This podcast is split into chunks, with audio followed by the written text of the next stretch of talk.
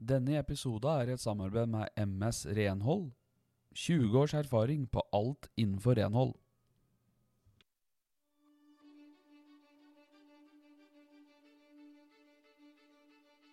Gå veien sammen med dem. Og være en omsorgsperson, være en støttespiller, være en uh, voksenperson, være en kompis, være en bror, en søster. Altså Vi skal ikke gjøre jobben for dem, vi skal gjøre jobben sammen med dem. De skal ha delaktighet i eget liv, da.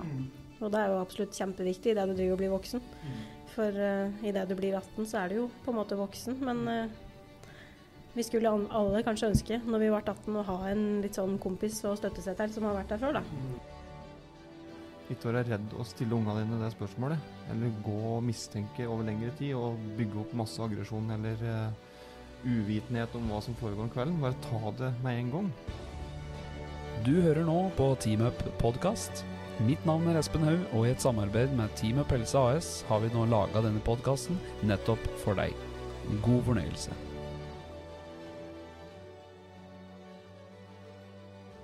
Velkommen, velkommen. Velkommen. God mandag. God mandag. Episode to i sesong to. Ja, det blir det. Mm. Nå sitter vi innendørs. Jeg tenkte 14, ja. Ja. To, ja. Nå sitter vi innendørs. ja. Tilbake til studio. Tilbake til podkaststudio. -hmm. Jeg hoster fortsatt etter røyken Mats lagde når du slokka bollen. Så. Ja. Ja. Men uh, Det du, kan du le mer når det blir en kjempe-TikTok-video som går viralt? Er det drømmen din? Ja, det er drømmen min. Influencer Mats. Ja. Det bra. Det er bra. Hvordan slukke et boll på 1, 2, 3? Det er du god på. ja. I dag er en utrolig spesiell episode. I dag. Vi har med en gjest, selv Mm. om det ikke ser sånn ut for de som sitter og ser på YouTube. Men han sitter bak kameraet i dag. Anonym. Rett og slett en ungdom som eh, er i tiltak hos oss. Som Mm. har vært hos oss i Hvor lenge har du vært her nå? Et år. Litt over et år. En veteran. Kom til oss i oktober 9. oktober. Ja, oktober i fjor. Mm. Nei, Ja, 2021. Nei, 2021, mener jeg. Nå har det gått over til 2023. Nå har jeg ikke helt meg på det greiene. Oktober 2021. Mm. Ja. Dette her, her er jo en av ungdommene som er litt, føler jeg er liksom veteran. Mm. Eh, en av ungdommene som liksom har vært en utrolig stor del av oss eh, siden han kom. Mm. Eh, river oss i håret mange ganger. Mange ganger. Eh, men vi sammen, da, vi har aldri Vi gjør ikke det med noen, da, vi har aldri gitt opp. Vi har fortsatt og kjørt på, kjørt på, kjørt på. Eh, Og ikke minst, du har ikke gitt opp. Nei. Eh, kan vi begynne litt eh, Han kan få lov til å begynne litt og prate litt Ja. eh, om seg sjøl.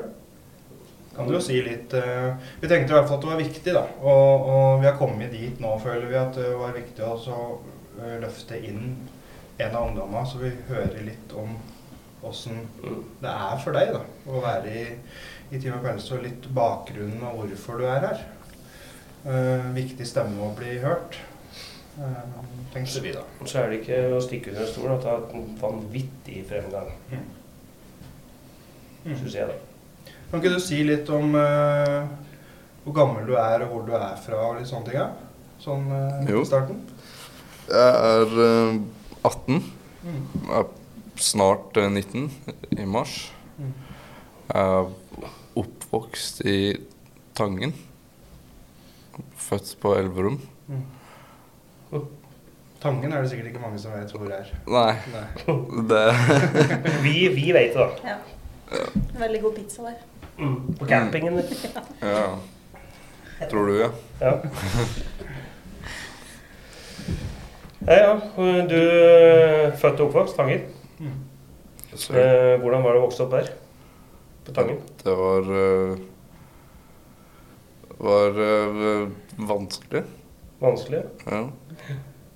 Det starta å bli vanskelig ganske tidlig. Mm. Bare snakker vi barneskolen? Snakker vi seksårsalderen helt ned i først, første klasse, liksom? Eller? Ja, Mm. første klasse var da det meste begynte, da. Det var tidlig, ja. Hvem var du som liten? Du var ganske aktiv, var du ikke det? Jo, jeg spilte fotball, da. Mm. Jeg var veldig glad i fotball. Så Ja. Drev ikke du med mye idretter? Jo. Jeg har uh, drevet med en del. Men det er som regel fotball som var tingen. Mm. Jeg har vært innom ganske mange idrettsgrener, har jeg skjønt. Har det. Mm. Var skolemiljøet? Hvordan var eh, venner og Jeg hadde, jeg hadde jo mange venner. mm. Og det var jo ganske veldig sosialt, da. Følte du, følte du deg sjøl ukonsentrert på skolen? Følte du meg, eller? Som barn så er ikke det noe jeg tenkte særlig over. Nei? For, eh, ja, sånn er det med de fleste. Mm. Så jeg var jo en urolig kid, da. Mm. Gjorde mye Eller starta med mye kødd Mm. og faenskap Mm. veldig tidlig. Uskyldig i begynnelsen, eller? Jeg starta med å være uskyldig, ja. Mm. Mm. Og så bare balla det på seg Mm. år etter år. Bare mer og mer. Sånn type urolig at du på en måte ble tatt ut av klassemiljøet Å, ja, det var hele tida, da. hele tida? Ja. Mm. Jeg fikk ofte skylda for ting jeg ikke hadde gjort, og Mm. ble syndebukken. da. Mm. Mm. Er det et stempel du følte at du fikk tidlig? Ja. Mm. Og det begynte jeg å å skjønne senere. Ja, litt, når du ble litt eldre. Mm. For vi har skjønt at eh, altså Vi har snakka mye sammen, selvfølgelig, eh, det siste året. Og lenger enn det òg. Men vi har skjønt at dette med skole eh, har jo vært vanskelig eh, hele livet, egentlig. Um, kan du si litt om skolehverdagen din? Altså det, liksom det faglige. Hva er det som gjorde at du var en urolig kid når du, når du begynte på skolen? Og hvordan er det det liksom utvikla seg? Det er litt vanskelig å forklare for min del, for bare Først så gikk det fra å ikke ville gjøre lekser og eller ikke gadd å følge med i timen og bare lagde bråk, da. Mm. Og så bare ble det Det bare ble sånn. Så dra hjem fra bråk og komme til skolen for bråk, og så hjem igjen til bråk. Og så Mm. Det var sånn det gikk, da. Sånn var hverdagen. Tenk, tenker du at det handla om uh, eh, For vi har jo snakka Dette med litt sånn uh, lærevansker, eller lese- og skrivevansker og sånn, er jo noe som du har kjent mye på. Eh, og når jeg tenker jo at når du gir faen liksom i timer eller begynner å bråke og sånn, at det kanskje handler litt om egentlig den følelsen av å ikke få det til, da. Og så dekker man kanskje over det med, med å bli litt eh, klassens klovn i Gåsete. Stemmer det i ditt tilfelle? Ja, det gjør det. Altså, jeg skjønte jo det ganske fort at det her var ikke jeg noe flink til, liksom. Og det var sånn Da var det bare å drite i det. Mm. Veldig ung alder. Men hadde du noe eget opplegg, eller var det så du ble tatt ut og hadde noe annet enn de andre? Eller var det bare sånn at hvis du ikke fungerte i klassa, så var det bare rett ut? Ja, etter hvert så ble det jo Eller de prøvde å gjøre det sånn, da. Mm. Men jeg stakk jo bare. Og så Det lagde bråk uansett, liksom. Syns du, syns du skolesystemet eh, to, ivaretok det på den tida der slik de burde gjøre? Absolutt ikke. Mye, mye kaos Mm. på den tida. Skulle du ønske ting var annerledes da? fra den tida? Ja.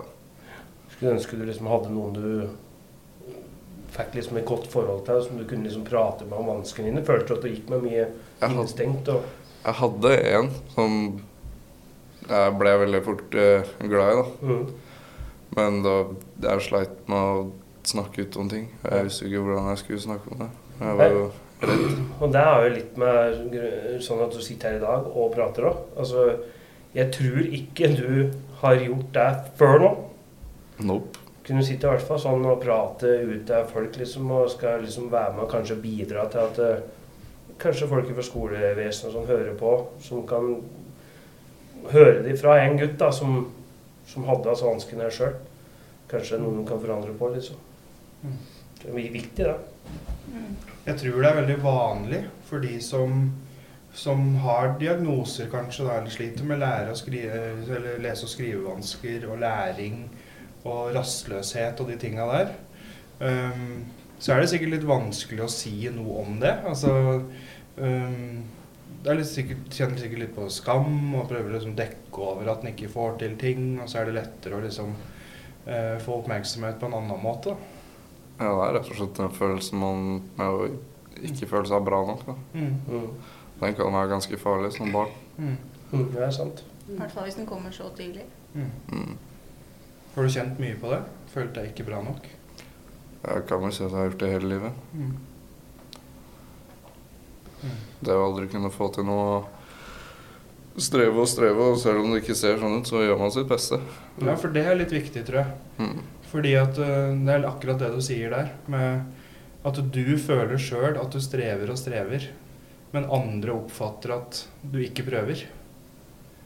Det tror jeg er en veldig viktig følelse som mange kjenner på. Tror jeg òg. Det å bli avskrevet som at nei, men du gidder jo ikke å prøve engang. Mm. Og så ligger det så innmari mye mer bak. Så kan er rett og slett for at de ikke får til. Mm. Og så når den begynner, begynner å bråke, da, bli en bråkmaker ikke sant? og finne på ting som er veldig upopulært, så er det det stempelet du får. Mm. Ikke sant? Det er jo, han, da får du automatisk stempelet at du gidder ikke. Sjøl om at du, som du sier, at du strever og du prøver, faktisk. Men det går jo ikke. altså Ingen som ser det. Så skjønner jeg at det kan komme ut på denne måten der. Mm.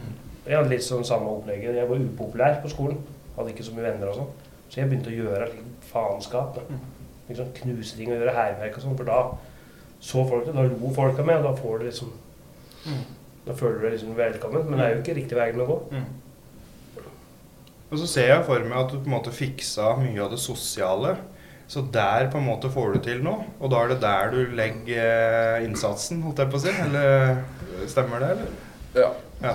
Jeg sleit ikke så veldig med den der vennebiten og sånn, da. Jeg hadde jo de folka å henge med. da. Det var som regel bare jeg var den eneste. Mm. Så Mm.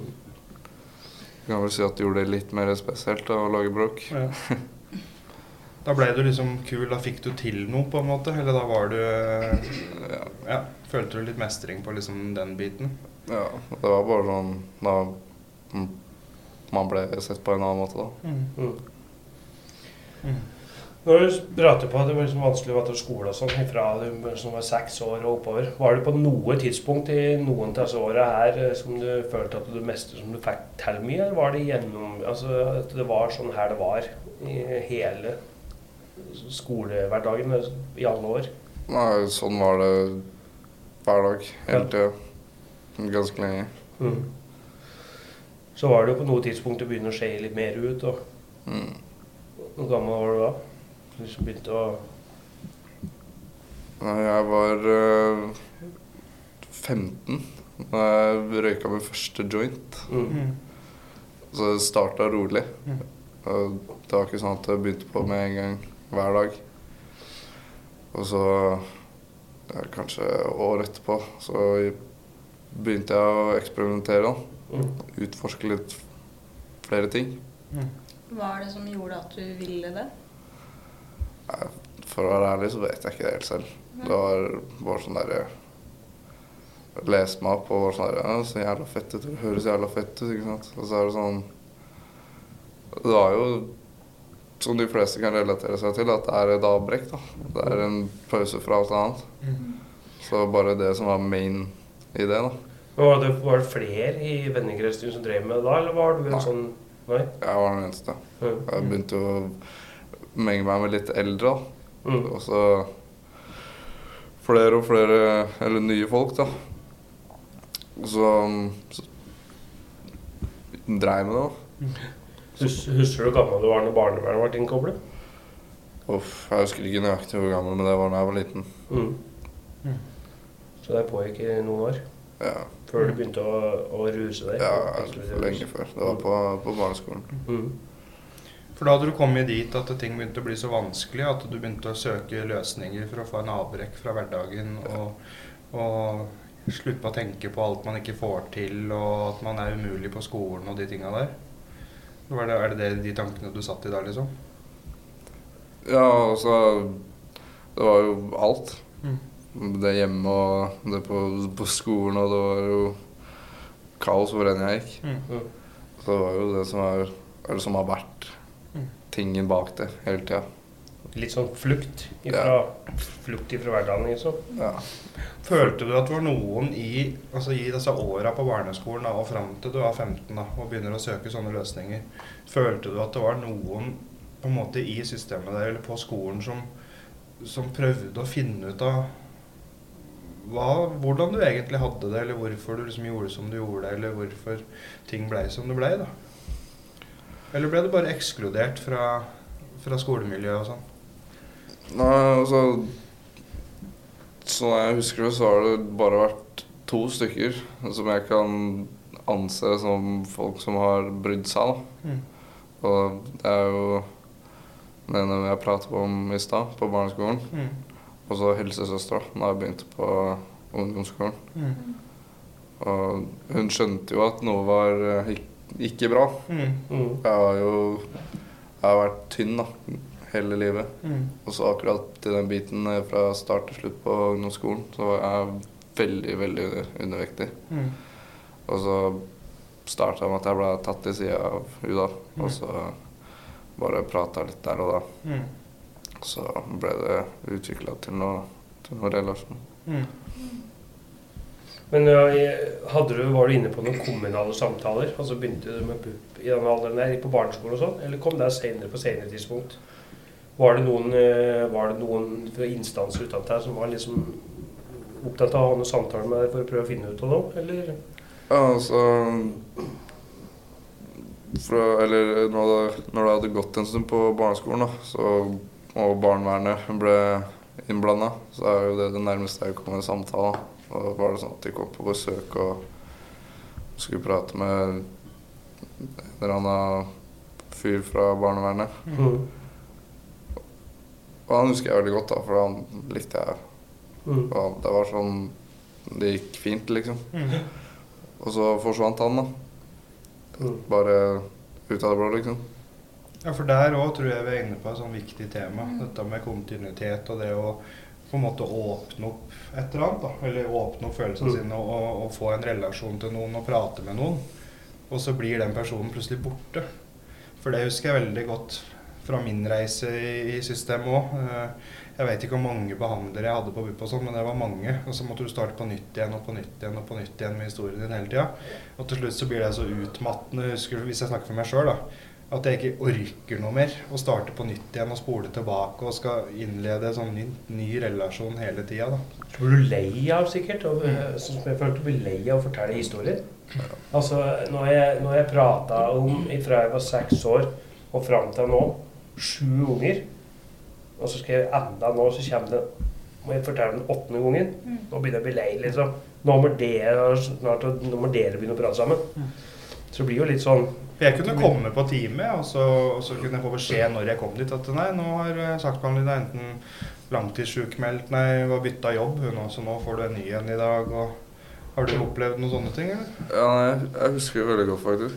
Um, og jeg, jeg var på, på skolen, og så skulle jeg jo møte da. Eller prate med noen, da. Og så bare får jeg vite at eh, han jobber ikke der lenger. Og så at, Eller at han hadde bytta jobb eller noe. Og da var det sånn her eh, Det var litt gørr feeling. Sånn for jeg sa jo det til sånn mutter'n og sånn at uh, inviterte på middag, liksom. Mm. Så det det jo et bitte lite bånd der, da. Mm.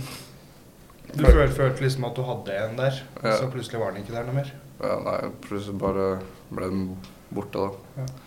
Og han var jo eh, der fra starten av i noen år, tror jeg. Mm. Skulka du mye eller på den tida? her? Ja. Jeg skulka hele tida. Ja. Fra første klasse opp til videregående. Nå er du 15 år gammel da, og begynner å røyke litt. Joint. Mm. Du starter lite. Ja. Hva er lite? En gang i uka? To ganger i uka? Nei, det var sånn Starta lite, men bygde seg opp eh, ganske fort, da. Mm. Så Men første gangen du røyka, satt du aleine da, eller var du med noen? ja, nei, da var jeg aleine. Du var helt aleine? Jeg husker jeg Jeg sa til mutter'n jeg skulle gå ut, Ja.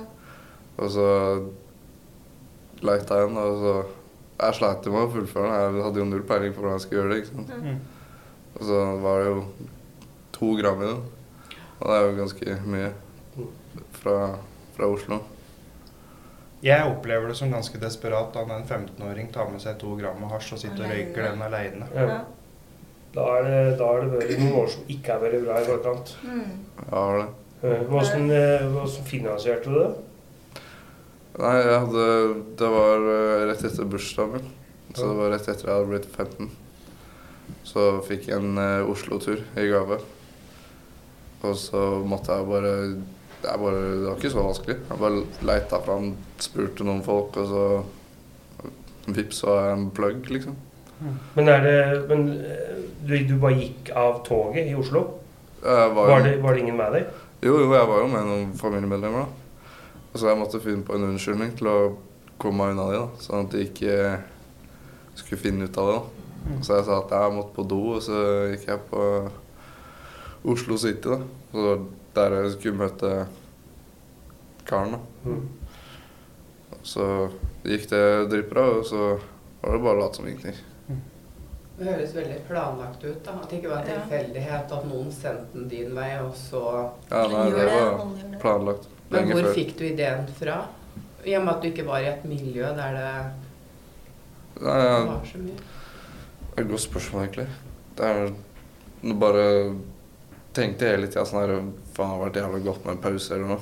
Og så Jeg visste jo ikke så mye om akkurat narkotika, liksom, eller det, det som blir sagt om det, ikke sant. Mm. Så det var sånn Jeg bare trengte en pause, og så tenkte jeg bare fuck it. Så fiksa jeg det, og så Det var starten, da, på alt sammen.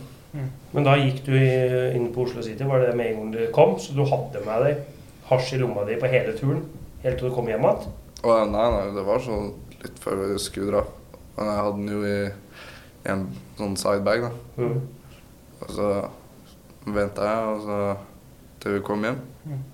Og så skjedde det, da.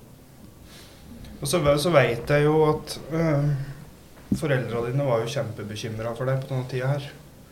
Um, hvordan var det å få den øh, omsorgen eller den bekymringa øh, plassert for seg? Altså Du har hatt vanskelig som hele skoleopplegget, følt deg ikke møtt, ikke sett. Og så har du foreldra dine på andre sida som på en måte er kjempebekymra for deg og, og ser hva som skjer, og ser at du ikke er på skolen, og ser at du sliter og sånn på en måte. Hvordan, hvordan møtte du bekymringa deres? Det var, det var jævlig mye kjeft, da. Mm. Og det var jo en stor del av problemene skjedde jo på grunn av, på grunn av det, da. Mm. Var At jeg begynte å drite i skolen skikkelig.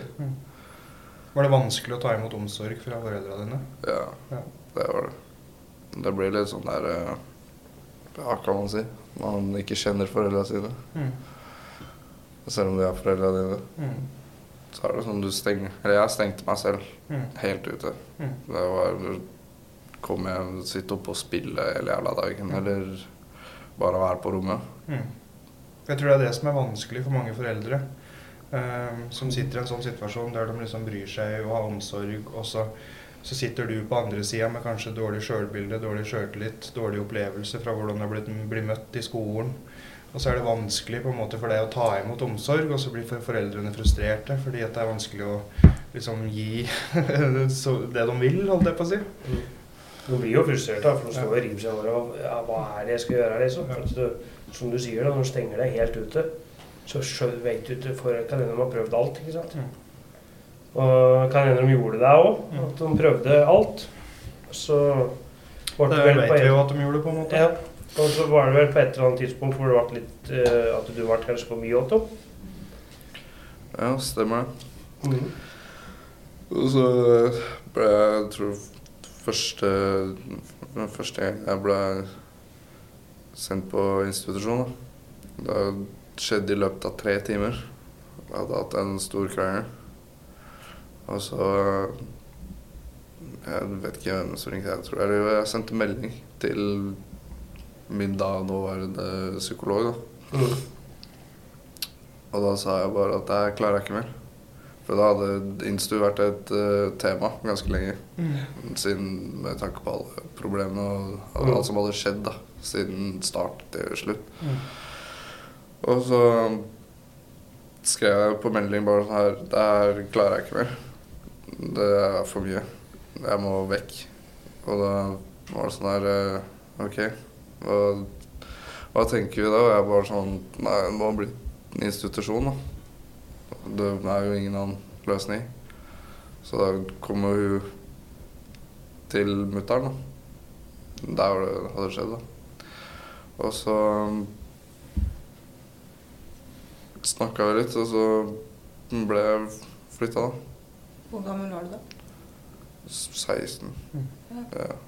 For der òg liksom tenker jeg Der òg får jeg tanker med en gang da, i forhold til at eneste alternativet du hadde da, det var institusjon. Det var Ja. ingen som kom på noe annet. Eller det, var, det fantes ikke noe annet du kunne eh, f- På en, en annen måte å få hjelp på. Eh, føltes det ut som sikkert kan hende det var noe. Eh, men det føltes sikkert ikke sånn ut der og da. Eller du visste ikke om noe. Eller liksom, det var institusjon som var eh, tema. ja, Ja. det var det. Mm. Jeg husker det veldig godt, da, for jeg ble veldig dårlig dagen etterpå. Eller kvelden, den samme kvelden. Og jeg nettopp uh, spist piller, da. Og røyka. Mm. Og det var Jeg ble veldig syk da. Mm. I samme, eller på samme tidspunkt. ganske stor omveltning i livet. da, altså På tre timer så går du fra å på en måte bo hjemme til å havne i institusjon. Være sju- ligge på institusjon sjuk, da. Ta piller og røyke hasj. jeg spiste ikke på sånn to-tre dager. Mm. Og du hadde ikke så mye å ta av heller. Nei. Hvordan var det å komme i institusjon? Altså, det var eh, Det var jo skummelt, så klart. Det var jo Det å bare si ha det til mutter'n, liksom. Da blir jeg her. Mm. Uten å vite at det kan være mulig. Ja, det var siste gangen jeg skulle bo hjemme da. Mm. Og så kom jeg inn hit, da, så møter jeg på sånn der eh, Hva kaller man det? Vikarer eller noe sånt. Mm. Sånn ansatt, da. Mm. Og da finner de meg et rom. Og så bare blir jeg på rommet. Sitter litt ute i felles fellesstua, da. Mm. Og så skjedde det var ikke så mye snakking. Det var, det var bare sånn der Jeg brukte litt tid på å og det var, det var her det skulle være, liksom. Det var sånn Måtte fordøye det litt. Ja, måtte fordøye det. Plutselig var jeg her, liksom. Ja, det skjedde så jævla fort også. Mm. Og Så sitter man sitter jo igjen med alle slags mulige følelser. da. Mm. Ja, tenkte jeg hva som bare Følte du deg mislykka igjen, eller? Ja. Mm. Jeg følte meg bare fortapt, egentlig. Mm. Det var da det begynte å bli bare mer og mer. Mm. For nå har, du, nå, har du, nå har du falt ut av skolen, ikke sant? Eller nå har du, nå har du på en måte hatt så mye fravær, du har skulka så mye, du har begynt å ruse deg. Eh, du havna på institusjon. Eh, så nå er det sånn en ny greie å forholde deg til, og, og enda også må flere vonde følelser å forholde seg til. Og ikke minst eh, regler. Regler. Ja. Ja. Det var For det var du så glad i. Nei. Men hvordan var en typisk dag på in institusjon? Nei, altså i mitt tilfelle da, så er det jo Da var det jo Jeg fikk jo ikke lov til å dra ut. Jeg kunne ikke henge med noen venner. Jeg husker jeg spurte om å sove hos kompiser gang etter gang etter gang. Og de sa nei, det tror vi ikke er så lurt. Og jeg tror det er best at du er her og den biten her. Så det Sånn jeg var på den tida der, da, så likte ikke jeg det, da. Nei, for du er litt opposisjon da. Ja, ja. er vi som, for du har vært litt sånn Sånn som jeg kjenner deg, da, så har det vært litt sånn der at hvis du sier nei, så har jeg i hvert fall lyst til å gjøre det. ja. Ja. Mm. Ikke kom og fortell meg hva du Men dette er litt rart, da. For du på en måte ønska sjøl og vekk og inn i institusjon. Mm. Men samtidig så ønsker du ikke at noen skal fortelle deg hva du skal gjøre for noe. Mm. Ja, sitter litt i konflikt med deg sjøl. Ja, komplisert, altså. Mm. Litt sånn engel og djevel. Ja. Mm. Hvordan blei du i institusjonen, eller hvordan utvikla dette seg? Ja, altså den, den første institusjonen, den var egentlig ikke så gæren. Mm. Den var Jeg møtte jo en eh, fyr der som jeg endte opp med å ha et veldig sterkt bånd til. da. Mm. Så han fikk meg til å le da, Mm. og ha det moro. Selv om jeg var på en insto. Han fikk meg til å glemme at jeg var på en institusjon, liksom. Mm. Og glemte alle de tinga jeg ikke kunne slash fikk lov til å gjøre. ikke sant? Mm. Så Ja. Det det er jo Det er jo sånn De bytter jo på. Det er jo, du får jo alltid de menneskene man ikke liker. Så, så de dagene der var jo litt sånn Litt på nippet. Og du har alltid vært veldig var på mennesker. Mm. Og skeptisk til mennesker. Ja. Og skeptisk til å åpne deg og få relasjon til mennesker, eh, sånn som vi har skjønt det. ja. Men Ern sier noe med bakgrunnen her òg, for jeg har alltid sagt det at du bestemmer deg du, om du liker en person to første minuttene som du treffer en. Og hvis ikke du liker den, så da liker du den ikke. Ferdig med det. Det kommer aldri til å gå heller. Sjøl om det er sikkert mye av det forandrer seg nå, da. Har jeg jo, men på den, på den tida, i hvert fall fra når du var der og når du kom til også, så er det liksom den inntrykket jeg hadde i starten. Sjøl om det er mye som har forandret seg der nå. Men du var litt sånn. Du øh, bestemte deg ganske fort om du likte den eller ikke. Ja. Og hvis du ikke liker den, så da, var, da låste du deg helt. Ja. Da var ikke noe vits i å prøve heller. Nei. For det var Nei, jeg skal aldri prate med noe mer. Mange, det mange, ganger så hadde du sikkert bestemt deg på forhånd òg at du skulle like dem. Mm. ja. Ja. Det var litt sånn Hvor lenge var du der? Jeg tror det var nesten en måned. For det var jo, det var jo en akutt. En akuttinstitusjon, da. Mm. Så det er ikke et sted hvor man bor Over lengre tid. over lengre tid. Mm. Så jeg var jo der til jeg ble flytta til Nandral. Så det var jo litt kjipt, husker jeg. Mm. I den perioden når man blir kjørt fra det ene stedet til det andre. Mm. Og så de man har kommet overens med, og de man har fått, et, uh, fått en liten relasjon til. Mm. Så igjen blir alle de borte. Til og med de du ikke liker i det hele tatt. Ja, så ble du satt på en annen institusjon. Ja. Og da gikk det, gikk det bedre eller dårligere da? Mm, det starta mye bedre. For Mm. da jeg fikk jo en smakebit på det forrige. Mm. Og så um,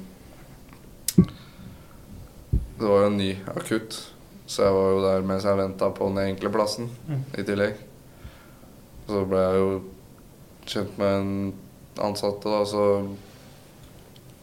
var, Det var bare litt mer sånn hvor de Hva heter det? Bytta. Mm. Altså Kanskje de du liker, jobber to-tre dager i uka. Og så er det resten med andre folk. Og så plutselig er han sjuk, eller så blir det endra på vakta dem, så Mm. Så er det jo alltid de som ikke burde jobbe der, da. Mm. Ja, for det er dette med brudd på tillit Ja. og sånn. Som sikkert var en gjenganger her.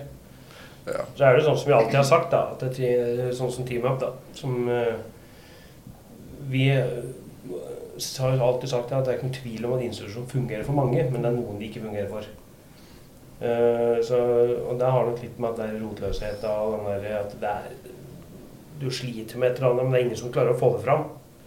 Ikke sant? Og du ble litt sånn eh, kasteball der. At det er fra en institusjon til en annen, og så begynner det bra, som du sier, og så går det dårligere, og så blir det sendt til en ny plass. Og så, altså det gjør jo noe med deg.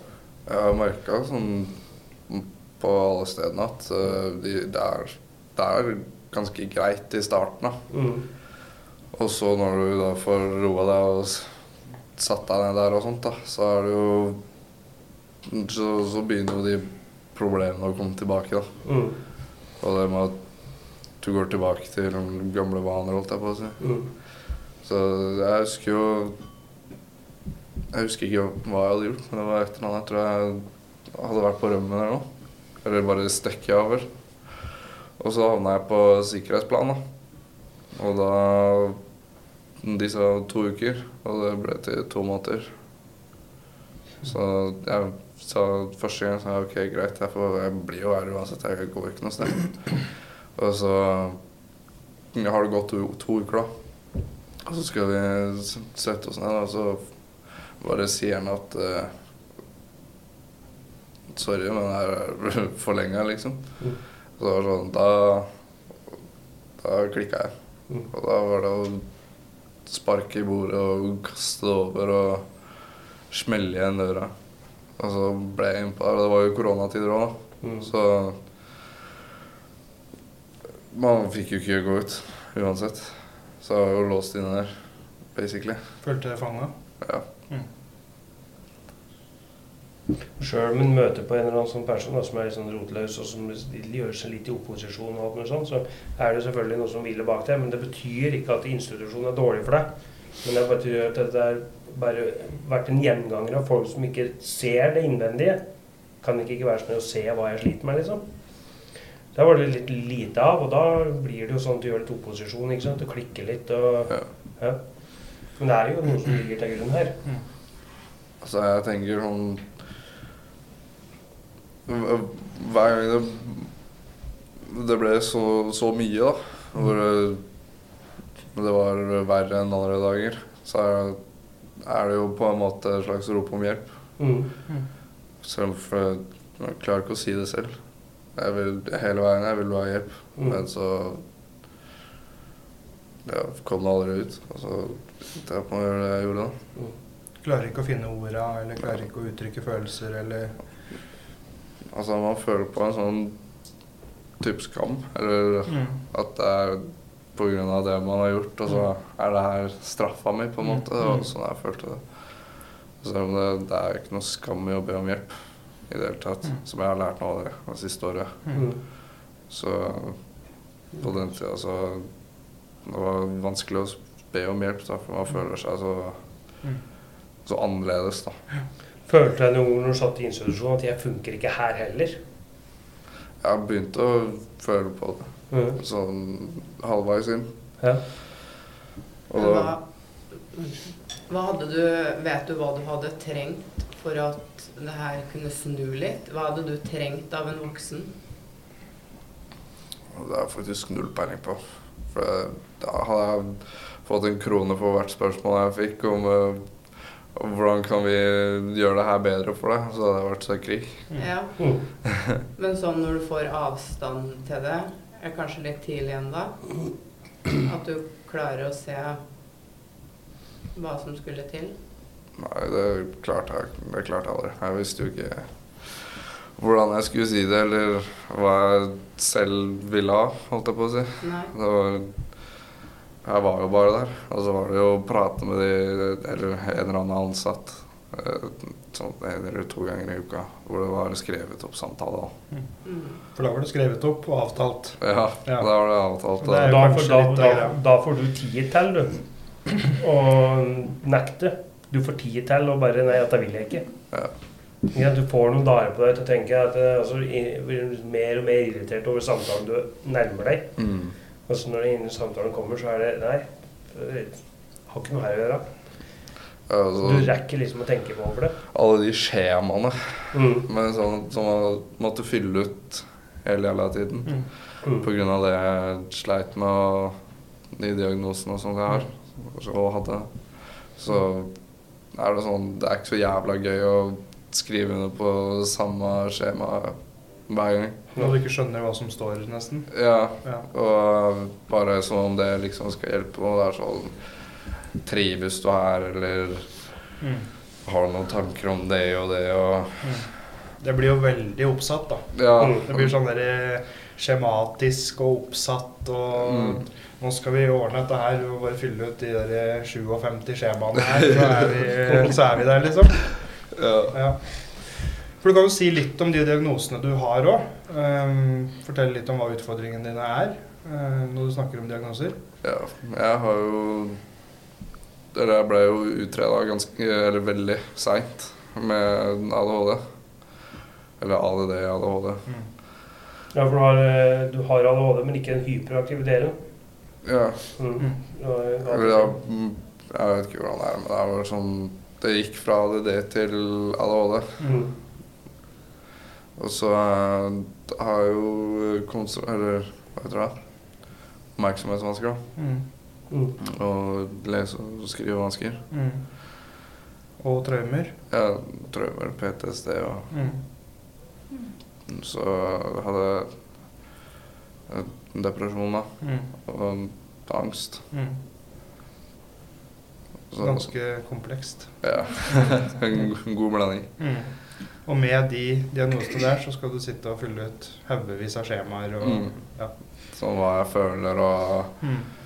hele den sulamitten der. Og så etter første skjema så var det sånn OK, jeg har skrevet det, hva skjer nå? Mm. Det kommer til å bli noe bedre. Det var det jeg tenkte. Jeg tenkte Uansett hvor ille det var, så prøvde jeg så godt jeg kan tenke på at det kan bli bedre. Mm. Men det skjedde jo ingenting. Det ble jo bare verre, holdt på å si. Rusa du deg i institusjon, eller? Ja. Mm. For det er jo en uh, viktig ting her. Ja. Rusen eskalerte jo. ja. Ja. Nå, nå Du rømte, du stakk av, du rusa deg ganske hyppig og jevnt. Yes. Ja. Ble du sendt på enda en ny institusjon? Ja. Ja. Etter, uh, Det oppholdet? etter det oppholdet på den andre akutten, da. Det Mm. var en til akutt mens jeg venta på den andre plassen.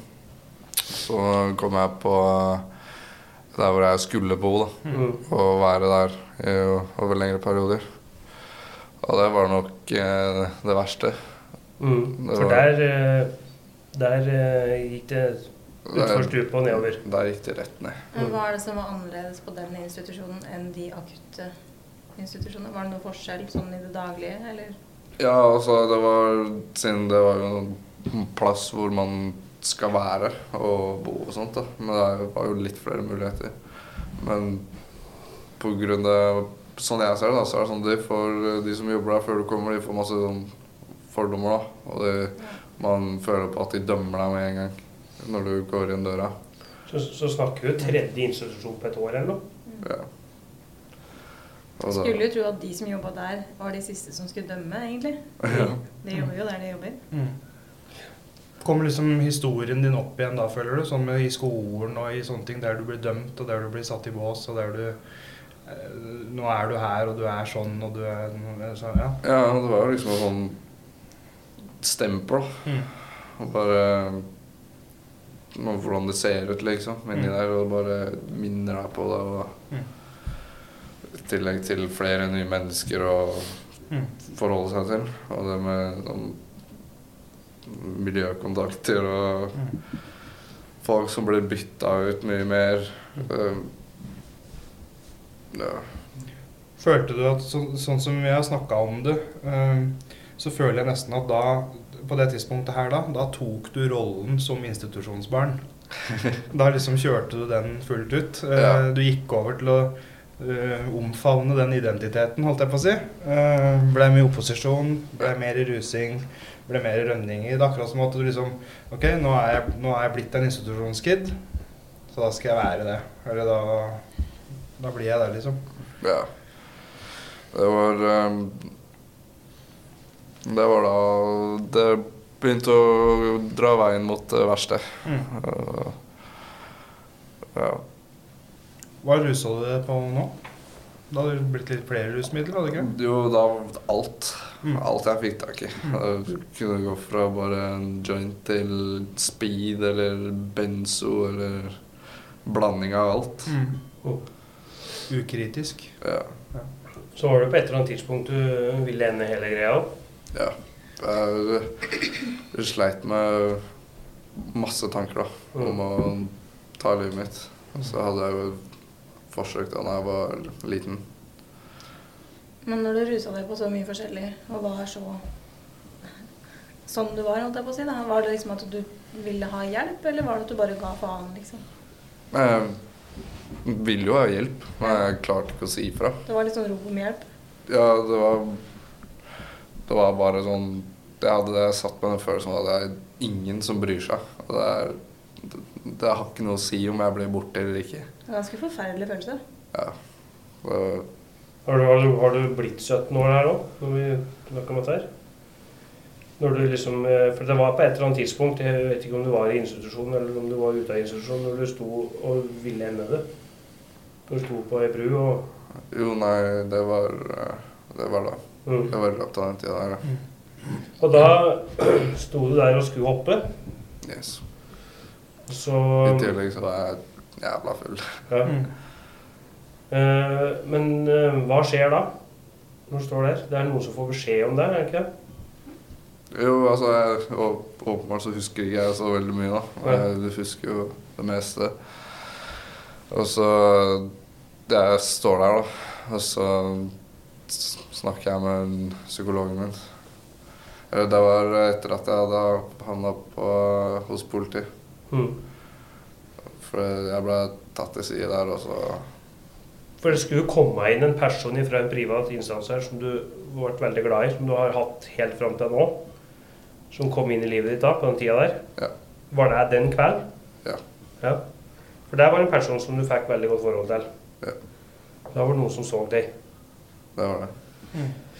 Men etter du sto der og skulle hoppe, fortsatte du i institusjon da? Eller ble du flyttet Ja. hjem på noe tidspunkt? Nei, det ble Nei, jeg måtte jo tilbake igjen. Mm. Så jeg ble jo eh, Jeg lurer på om det, den, det var eh, Jo, det var da jeg ble innlagt første gangen Mm.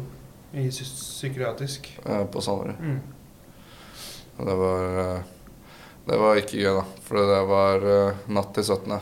Mm. Så jeg kom dit på, eh, på kvelden natt til 17. og så Da snakker vi ja, natt til 17. samme året som du kom til Tivo Mense. Ja. Ja. Natt til 17. mai. Mm. Mm. Og da ble jeg der over natta, så endte det opp med at jeg tilbringte hele 17. mai min med å være inne på et jævla rom uten noe som helst. Og spise en dårlig kake på papptallerken Mm. og plastikkgaffel. For da var det sånn Skolen var borte. Du har vært i tre institusjoner på et år. Du har gjort uh, mye opposisjon. Du har uh, vært utagerende i institusjonen. Du har ødelagt ting i institusjonen. Du sleit med relasjoner, og rusinga di har eskalert ganske vanvittig. Eh, så nå er du på et ukritisk stadie der du putter i deg det meste. Og du har stått på ei bru og ønska å ende livet ditt. Du har handla på akuttpsykiatrisk og feira 17. mai der. Ja. Um, og så i det momentet her så husker jeg at, um, at ehm, faren din eh, fikk vite om, eller ble kjent med en mor som hadde en sønn som var hos oss. Ja, Stemmer det. Ja. Så husker jeg at vi begynte å prate en del med, med din far, eller han kontakta oss og var nysgjerrig på hva vi dreiv med. Og, og Det gikk, det, det gikk en liten stund, Mm. fordi jeg husker det at jeg skulle kjøre han ungdommen vår hjem igjen, og da skulle du overnatte hos ham. Da hadde du drukket. Så husker jeg du satt bak i bilen, og så spurte du han ungdommen, da. Hvem er det der? Så pekte du på meg. Og så snur han ungdommen seg på meg og sier jeg, ja, hvem er du egentlig? Og så sier jeg, er du psykologen min? sier han. Nei, sier jeg, jeg er ikke noen psykolog. Men jeg er en kompis. Og så snur han seg og deg, og så sier han, ja, det er kompisen min, rett og slett. Sa han til da, husker jeg, den gangen. Det husker jeg. Ja. Så kjørte dere hjem. Og da begynte, da var det etter det, Mm. begynte å prate. Da kontakta faren din barnevernet og sa at nå har jeg kommet over noe her. Time pelse. Som jeg har veldig trua på.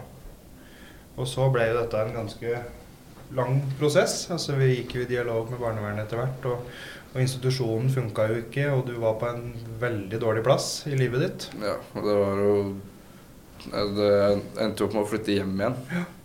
Etter eh, nesten et år.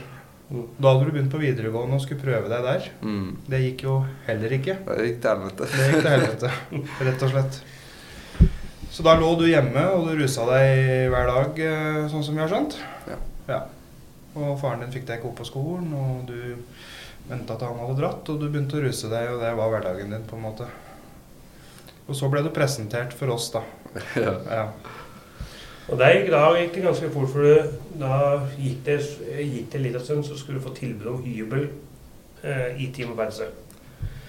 Så da fikk du beskjed om at eh, da var det nesten så du skulle sendes bort på en institusjon igjen. ja. eh, Det var i løpet av en uke. Mm. Ja.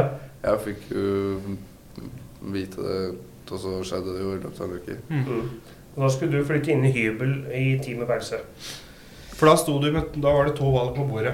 Ja. Du skulle enten bli sendt bort til en institusjon i, på litt andre sida av landet, holdt jeg på å si, eller er oppe, oppe i Moss. litt uh, godt stykke unna. Ja. Eller så var det dette greiene med oss, da. Uh, som ikke barnevernet og sånn visste så mye om på den tida der. Altså, vi drev jo mest her, og så visste de ikke så mye på andre sida av Mjøsa, holdt jeg på å si. Men så ble du presentert uh, for oss, og så var du egentlig ganske positiv til det. Altså, vi opplevde jo det. Ja. Hva tenkte du? Nei, jeg tenkte Jeg var jo skeptisk, selvfølgelig. Som jeg har sagt til dere òg, så tenkte jeg ok, jeg kommer til å ende opp med å bo hos en shady kar i kjelleren. og jeg kommer ikke til å gjøre en dritt forskjell. Ja. Det var, det var første tanken. Ja, det var, det var første Du bare så bildet av oss, du, så tenkte du fy faen. Så. Liksom. jeg hadde jo ikke møtt deg ennå, så jeg hadde jo bare møtt Mats den gangen hvor han kjørte meg og kompisen til han. da. Og Så jeg var jævla skeptisk. Ja. Mm. Men foreldrene dine var veldig klare for her. De var klare for å tenke nytt. De var klare for å gjøre ting litt annerledes. Og de hadde snakka mye med oss i forkant og var veldig positive til å teste ut dette her. Og barnevernet var positive til å teste ut noe. Og nå hadde de prøvd liksom mange ting som ikke funka. Ja, det var liksom, Jeg hadde ingenting å tape. Nei. Og det tenkte du sikkert, at nå har jeg ingenting å tape. Ja, ja. Så da kom du til oss.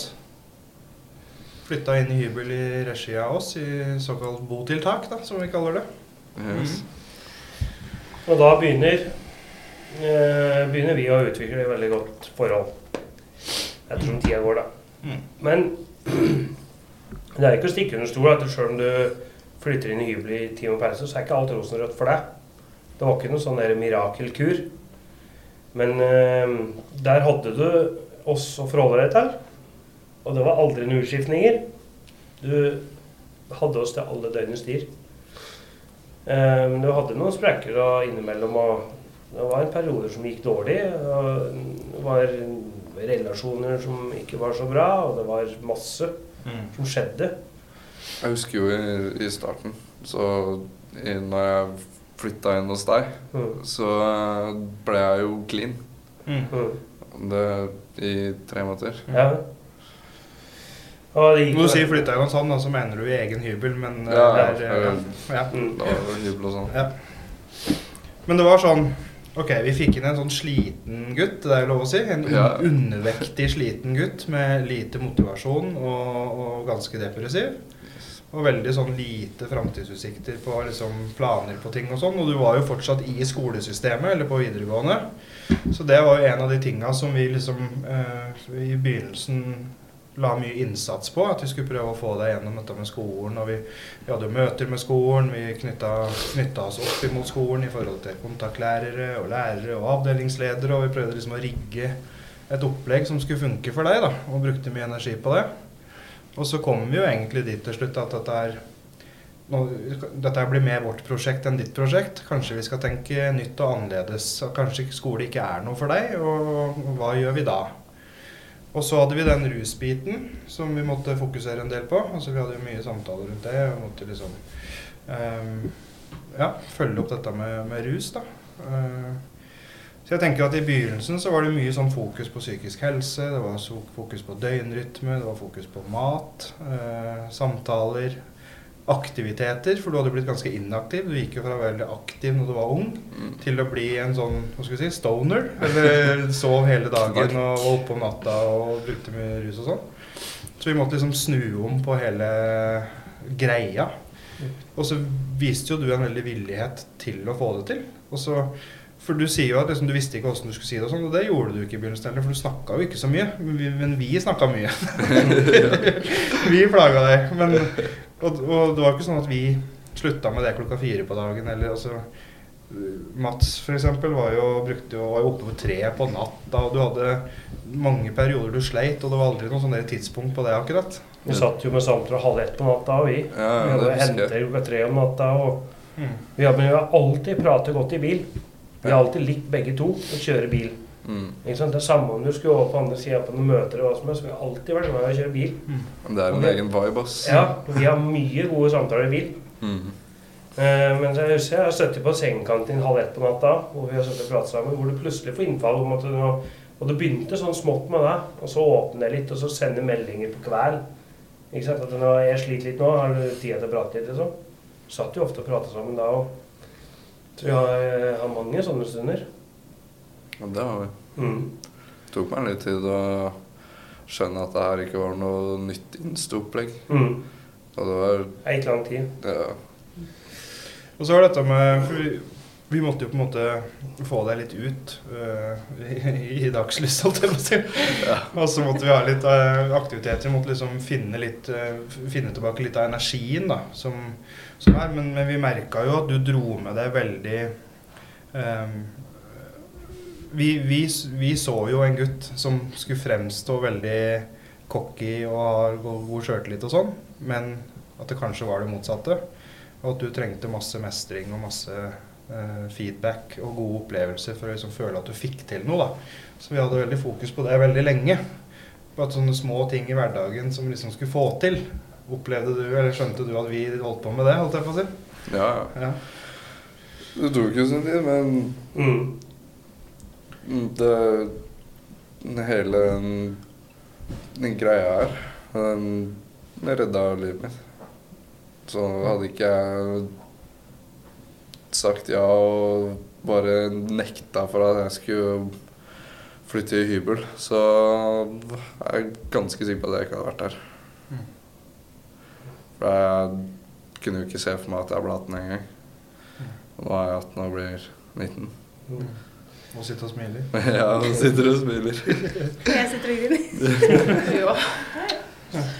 Altså, vi gjør vi dette her ganske lenge, ganske mange måneder. Eh, vi kommer da mm, Det har liksom vært et år siden du sto på en bru og skulle ta livet ditt. Eh, og så har vi en periode hvor det går veldig dårlig igjen. Mm. Vi har en periode hvor du låser deg igjen. Eh, hvor du ruser deg igjen. Eh, Havner i en relasjon som Ja. ikke er så bra for deg, kanskje. Mm. Eh, og da er vi veldig frustrert. Vi og du, tror jeg. Eh, Du går inn i du, eh, På et eller annet tidspunkt så havner du inne på en sånn akutt eh, på en overnatting der. Hvor du er i en modus hvor det er fuck alle. Alle kan dra til helvete. Fuck team up. Fuck eh, Ja. Jeg vil bort. Og alt mulig sånn. Og da ville jeg bort for godt. Ja. Og da følte vi at du testa oss noe grådig i den perioden der. På om vi kom til å gi deg opp, eller kom til å stikke, eller si, liksom si at dette her fikser vi ikke, eller Jeg tror du var litt sånn vant med det gjennom de institusjonsoppholdene. At du liksom For du hadde fått beskjed om det noen ganger, at eh, det er ikke håp for deg, liksom? Eller du Jeg har fått høre det et par ganger. Ja. Vi sender deg dit, og nei, det funker ikke her, så sender vi deg dit. Og. Så stemmer det at du testa oss veldig i den perioden der? Ja, det var jo Jeg vil ikke si at det var meninga å teste, men det var jo de valga jeg tok, og hvordan jeg endte opp med å håndtere ting i den Mm. perioden her. Mm. Hvor ting ble jævlig vanskelig. Mm. Og så på en måte, ja, så da hadde jeg jo det i bakhodet, bare sånn her eh, så det er, Som jeg sa i stad, så det er ikke Man klarer ikke å be om hjelp. Mm. Og så stiller dere opp Mm. uansett. Mm. Så uten, utenom det, så Mm. jeg er evig takknemlig. For for I forkant av dette her, og havne på den der ene overnattinga du var på, så hadde vi fortsatt samtaler i bilen hvor du, hvor du var ærlig med meg og sa at faen, jeg, jeg, jeg må ha en pause. Jeg må ha pause fra huet mitt og sånn. Mm. Eh, det var ikke lenge i forkant. eh, fra du havna på den der overnattinga di. Og da vet jeg at du, du, du satt jo sammen med foreldrene dine og sa fuck alt sammen. Eh, fuck teamet og alt mulig sånn. Vi ville ikke gi opp. Foreldrene ville ikke gi opp. Så vi fortsatte. Eh, og du snudde i siste liten. Mm, stemmer det. Det var jeg snakk om altså en dag eller to til der, så hadde du havna altså. Og vi var jo egentlig åpne for det, for han hadde låst på dette tidspunktet så låste seg så mye at eh, vi begynte også å kjenne på at uh, fader, her må vi ha bistand fra andre inn, vi òg. Vi begynte å tvile på oss sjøl litt. Ja. Nå, nå har vi kommet til et punkt der vi faktisk ikke veit hvordan vi skal gå videre. Mm. Så vi, vi satt jo hadde mange møter, alle vi som sitter rundt bordet her, og, og i hvert fall jeg og du, mye på liksom Hva gjør vi nå? Mm. Og da er på et, det er på et tidspunkt her du har vært i teamet opp i et år, ikke sant? hvor dette her begynner å komme opp. Mm. Eh, men så viste vi standhaftighet. Vi ga ikke opp. Vi, vi var helt over oss. Vi er her for den. Uansett hva han velger å gjøre. Om han så skulle havne borti et sånt, så skal vi fortsatt være her. Du skal fortsatt ha oss i livet ditt. Og dette var vi veldig bastante på. og Foreldrene var veldig bastante. Mm. Eh, ja. Nei, jeg har bare sånn til læring, eh, sånn spørsmål, for det går jo bra en stund når du kommer til Team Up, og så får du en knekk. Hva liksom, hva skjedde da i forkant, og hva slags signaler fikk dere på at nå går det litt skeis? Altså sånn for å være i forkant og se tegna og ble, jeg jeg, jeg merka i hvert fall at du begynte å gjøre eh, dårlige valg. Eller du begynte å på en måte ikke holde avtaler. Du begynte å ikke ville stå opp. Bli på aktiviteter. Eh, ja, vi begynte å si nei til aktiviteter som du var så glad i å drive med. Mm. Uh, hvis noe var planlagt dagen etter, så kunne du være oppe og ruse deg sånn at vi ikke fikk deg opp. mm, mm. Mm. Men var det det For det er jo den perioden som blir vanskelig, da, som krever litt jobb for din del. For da er det ikke bare å ruse seg vekk fra det, for nå må du faktisk jobbe litt for å komme deg opp. Er det, var det i den som ble litt tøft, som på en måte nå Shit, nå må jeg ta meg sammen og faktisk jobbe litt? Ja, altså Jeg tror den perioden der, så var Altså, i fjor Mm. det var jo desidert den vanskeligste jeg noen gang har opplevd og gått gjennom. Mm, jeg ville bare si noe om det. For det, da, på den tida der, så var du lett påvirkelig. Folk kunne dra deg med lett utpå. Men så husker jeg at jeg kunne få meldinger til deg midt på natta altså, hvor du angra deg for at du ble dratt ut. Så det ble sånn inni deg så ble det litt sånn der for og imot. Det ble følelsesmessig kaos. Ja, ja, for at du ble dratt med, men så gikk det, og så følte at det var det riktige å bli med på. Og så gikk det noen timer, så angrer du som faen. Og så sitter du i en sinnsstemme hvor du er rusa og ikke vil være rusa. Så det blir jo helt sånn derre Og den konflikten der tror jeg kommer av at du har jobba så iherdig med deg sjøl hos oss i ett år. Så de, plutselig så begynte de å kjenne på den indre konflikten om at eh, nei, fuck dere, men så nei, ikke fuck dere allikevel.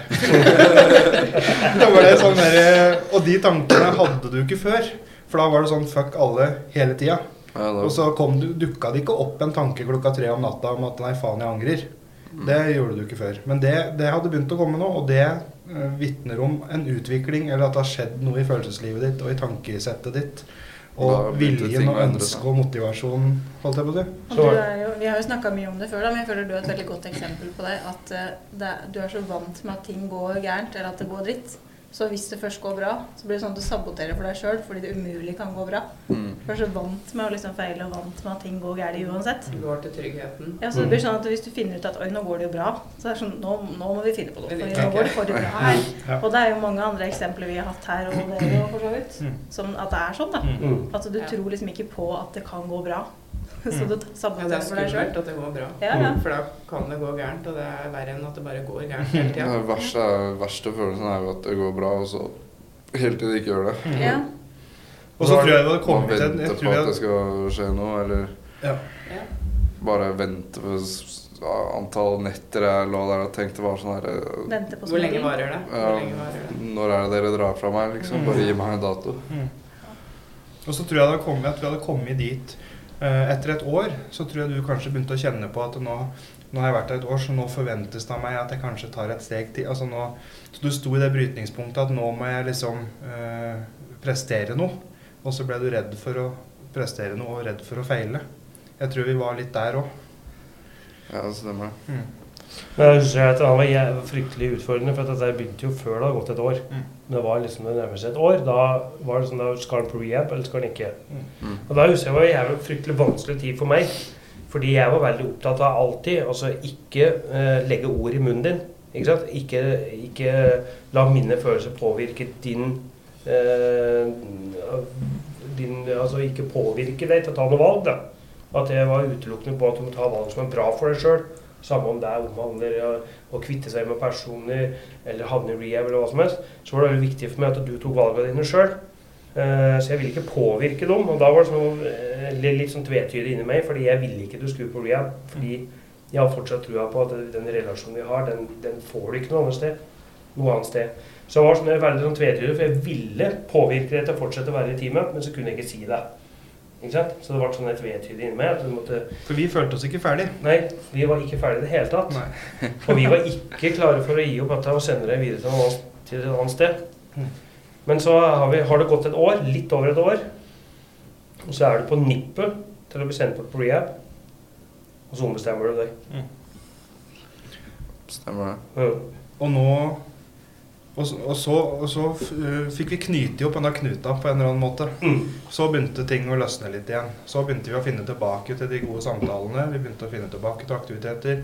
Vi dro på hyttetur, Vi begynte å finne tilbake til hverandre, ja, rett og slett. rett og slett. Eh, Så skjedde det mye positivt. Eh, Nå har du vært rusfri i Altså helt rusfri i 33 eller 34 dager nå. Tenk på det. Hvilke brysninger. Det er det første jeg tenker på hver morgen jeg våkner. Så vet Ja. jeg sånn, da er det en dag til. Ja. Mm. Det er litt sånn, ja. Og, så er det dette med Vi begynte å fokusere alt uh, mer på dette med mestring. Altså du begynte har begynt med førerkort. Mm. Gjort ferdig trinnvurderinger og alt på førerkortet. Kjører knallbra. Mm. Eh, Du er rusfri. Du har begynt å trene. Vi har begynt å gi deg litt gulrot for hver uke du er rusfri. Så får du litt treningssupplement. Så du skal booste litt den treningsbiten. Du har fullført ungdomsoppfølging. Åtte måneder ungdomsoppfølging Mm. er check, liksom. Du har hatt gjenopprettende møter med dem du har, eh, dem du har eh, gjort noe galt mot. da. Gjenopprettende møte. Du Du har avslutta på BUP etter mange år og gått over i DPS, som vi er veldig glad for. Ikke at du er ferdig der, men vi er glad for å samarbeide med disse instansene der. Vi har samarbeida med BUP hele veien. og Nå skal vi samarbeide med DPS hele veien, og det, det er det jeg mente at jeg er glad for. At vi, at vi hele tida har kobla på flere instanser. Da. At vi er, har et samarbeid på tvers av instanser for å få til best mulig. Um, og det er et nytt kapittel nå med at du går over til DPS i tillegg til oss for å ha den timen i uka der og sånn da. Og så holder du på, som du sier, med førerkortet. Og det har jo kommet et godt stykke på vei. Mm.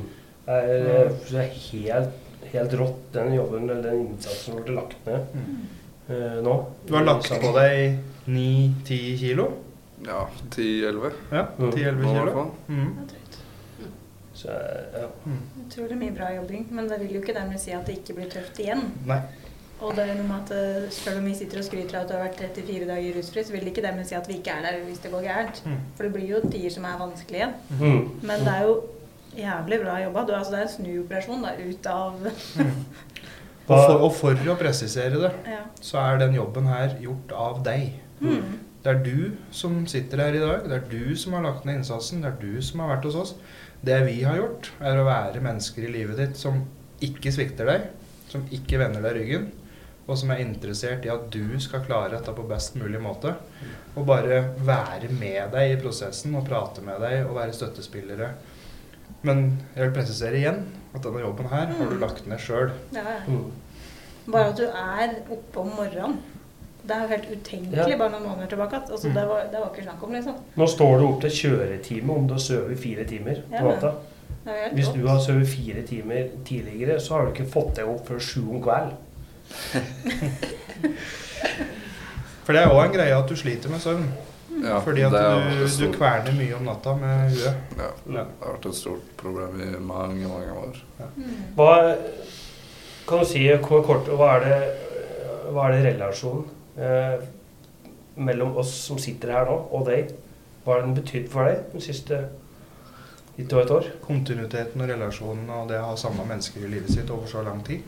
Ja, altså jeg, det, jeg vet helt ærlig ikke hva jeg skal svare på, for det, det betyr så mye for meg. Og dere bare blir mer og mer for hver dag. Og det dere har gjort for meg. Mm. Og som på bursdagen til Mats, da skrev jeg et lite Ja, du må ikke prate om det. Nei, da. Så skrev jeg litt på bursdagskortet og hadde kjøpt eh, bukse og genser til deg. Mm. Hvor jeg er evig takknemlig for at du Ja. tok meg inn i familien din. Og eller dere tok meg inn i familien deres. Og du redda livet mitt. Så, så, så var jeg skrevet på kortet også at om jeg ikke er flink til å vise det, så mener jeg det rett fra hjertet. Og jeg hadde ikke klart det her i det hele tatt om det ikke hadde vært for dere. Og den varme velkomsten jeg fikk når jeg flytta. Og det er en grunn til at du sitter her og er med i podcast i dag. Det hadde du ikke gjort for tre-fire måneder tilbake Nei. i tid. Du var ikke sett det her da. Nei, det hadde jeg ikke. Og du har berika livet vårt helt enormt. Det har Mm. vært opp- og nedturer. Vi har vært sinte, vi har vært frustrerte, vi har vært alt mulig. Og vi, men vi har ledd, og vi har opplevd mye. Vi har vært på turer sammen, vi har vært på fallskjerm, vi har vært i Voss, vi har vært på båtturer, vi har vært på hytteturer. Mm. Vi har opplevd så, Martha, vi har opplevd så mye sammen med deg siste drøye året. Som har gitt oss så minner og opplevelser for livet. Mm. Og det er så jævlig kult at du sitter her i dag i podkasten vår Mm. og er opplagt klokka ni om morgenen og ser godt ut og har uh, lagt på deg, holdt jeg på å si, og er liksom i en god stim da, med, med alt du er om dagen. Og, Jeg er utrolig stolt av deg. Mm. Og vi har sittet og skrevet søknader og CV-er om dagen, og vi skal i gang med å søke jobber, og vi, ja, vi er på en god plass om dagen, da. Ting skjer, da. Ja, ting skjer. Ja. Det er vanlig bra. Det er vanvittig historie. Ja. Mm. Jeg blir rørt, og jeg blir eh, Jeg kjenner Ja. Jeg har grinet nok. For, ja. Mm. Hvis det er noe jeg ville kalt familie, så hadde det vært teamet. Mm. Ja. Vi er her fordi vi er Jeg er glad i dere. jeg er- jeg glad i dere deg. òg. Ja. Vi får mye på makken her. på bordet. Ja. Mm. Som ikke viser følelser, Ja. Men Ja, eh, Ja, skal vi cover Espen? jeg tror vi bare må gjøre det nå. Ja, vi må ha Espen litt inn her. Ja, Ja. Hvordan eh, Nå er det andre episode i 2023. stemmer. Du starter med en litt sånn sterk eh, greie her nå. Vi gjør det. Mm. Det har vært eh, Jeg vil jo si at jeg er veldig imponert da, over, eh, over deg og det du har eh, klart å fått til ut ifra utgangspunktet. Og ja, det er jo sterkt å sitte og høre på. Det gir jo, eh, gir jo et håp for, eh, for flere òg, Mm.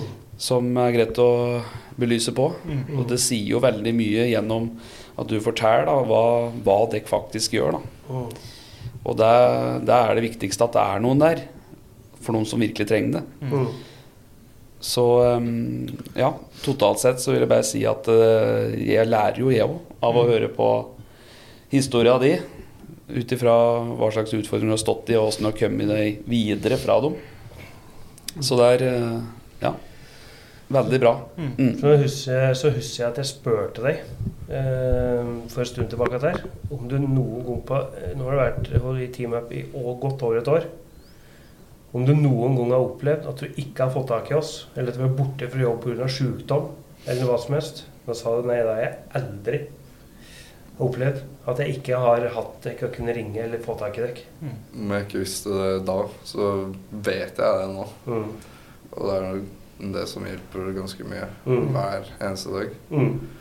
Og jeg, jeg vet at jeg kan gå til hvem som helst av dere, Mm. og dere hadde vært der. Du ringte meg, vekte meg i går òg for å kødde med meg. Vekke, vekke meg. Ringer og vekker meg. Og så må jeg må fortelle deg nå. Så kommer det bare kødd, og så ser jeg tre av disse gutta nigliser i bakgrunnen.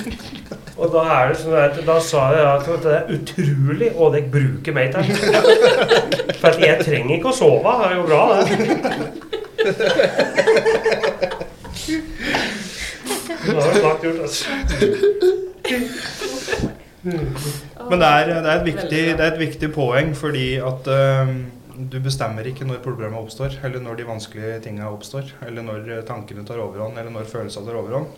Det er det ikke noe stoppeklokke på eller noe tidspunkt på. Det skjer.